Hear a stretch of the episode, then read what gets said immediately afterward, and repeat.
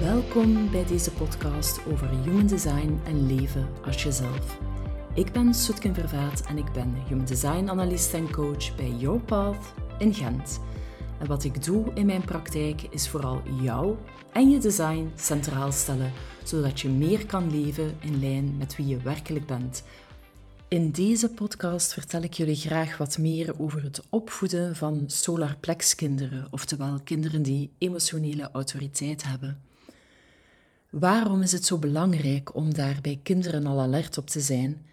Je leeft eigenlijk je design tot je zeven jaar. En vanaf zeven jaar komt daar heel vaak een zware conditionering op van de buitenwereld, via school, via vriendjes, maar ook als ouder. Je conditioneert je kind.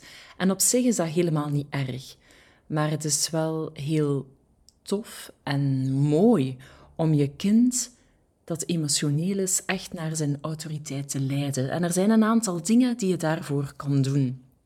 Eerst en vooral worden kinderen heel erg geprezen als ze spontaan uh, beslissingen kunnen nemen. Ik wil dat nu, we gaan het nu doen en ik wil een verjaardagsfeestje en ik ga die en die uitnodigen. En ze worden eigenlijk al getraind op snelheid. En dat is een van de dingen die ik jou al wil vertellen.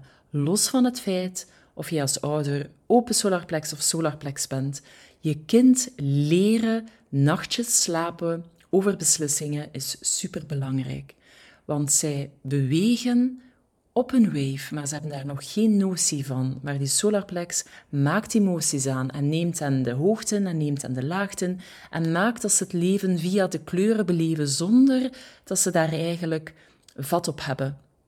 En het kan enorm helpend zijn om met je kind te communiceren vanuit die emotionaliteit. Want een van de dingen dat een emotioneel kind moet leren is geduld.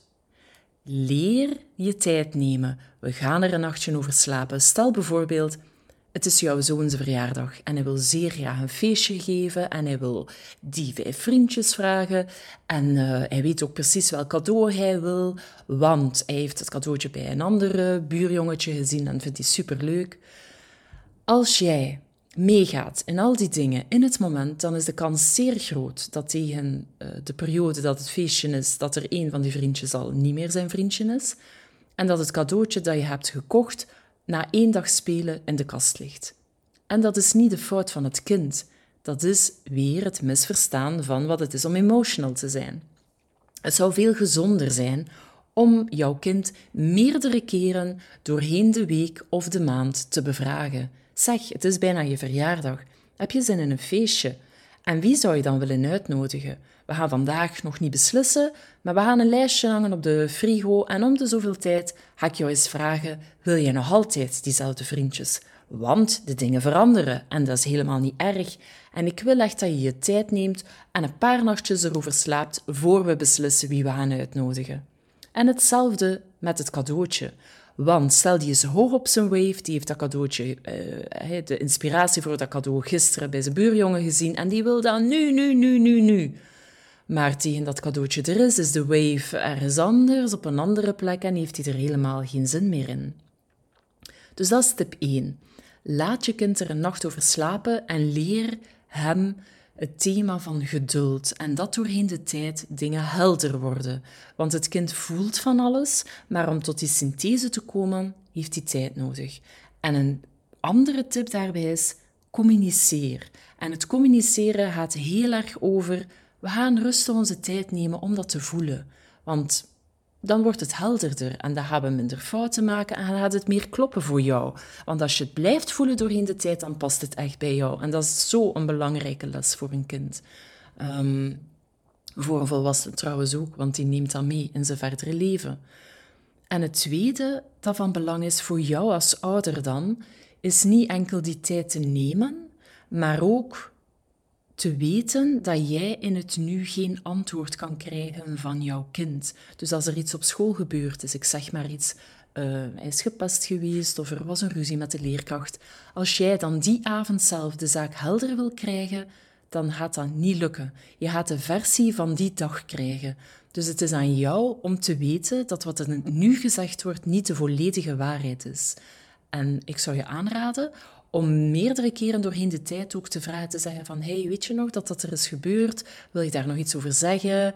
Uh, om na te gaan hoe de blik van het kind verandert. Want het zou kunnen dat je op een dag zegt: Ja, dat was stom, maar dat maakt mij niks meer uit hoor. En dan is het weg en dan is het klaar.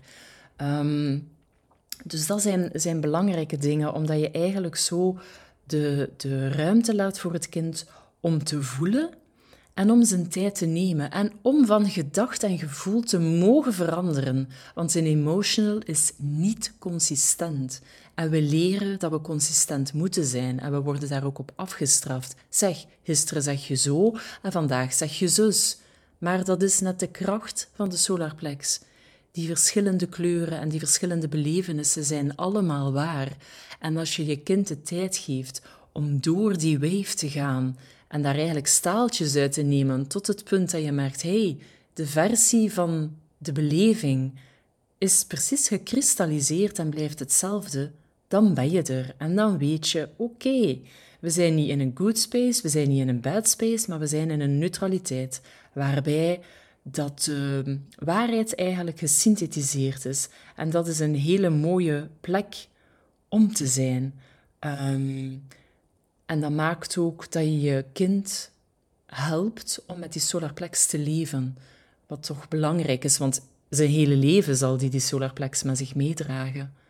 Um, nog een ander ding dat in mij opkomt, is als je merkt dat je kind een slechte dag heeft, is het ook heel gezond om daar in het moment ook niet te veel druk op te leggen of na te gaan. Waarom voel je je slecht? Of als je een kind hebt dat zegt, ah, en ik verveel me en ik voel me niet goed en dat komt daardoor en daardoor.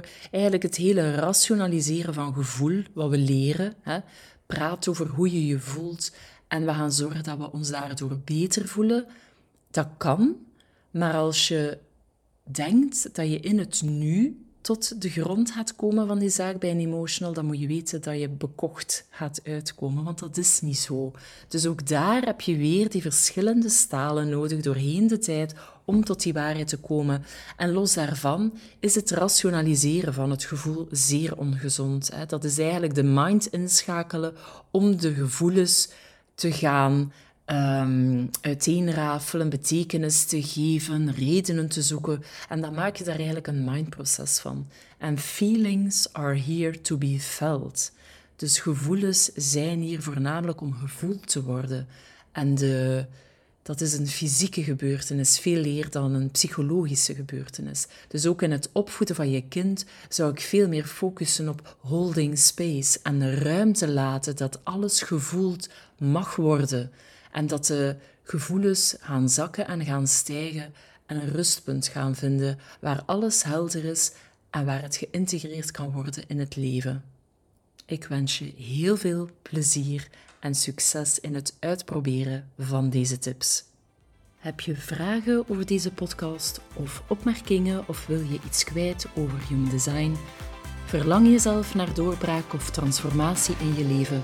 Dan weet je me te vinden op Facebook, op Instagram of op mijn website. Super tof dat je luisterde en graag tot een volgende keer.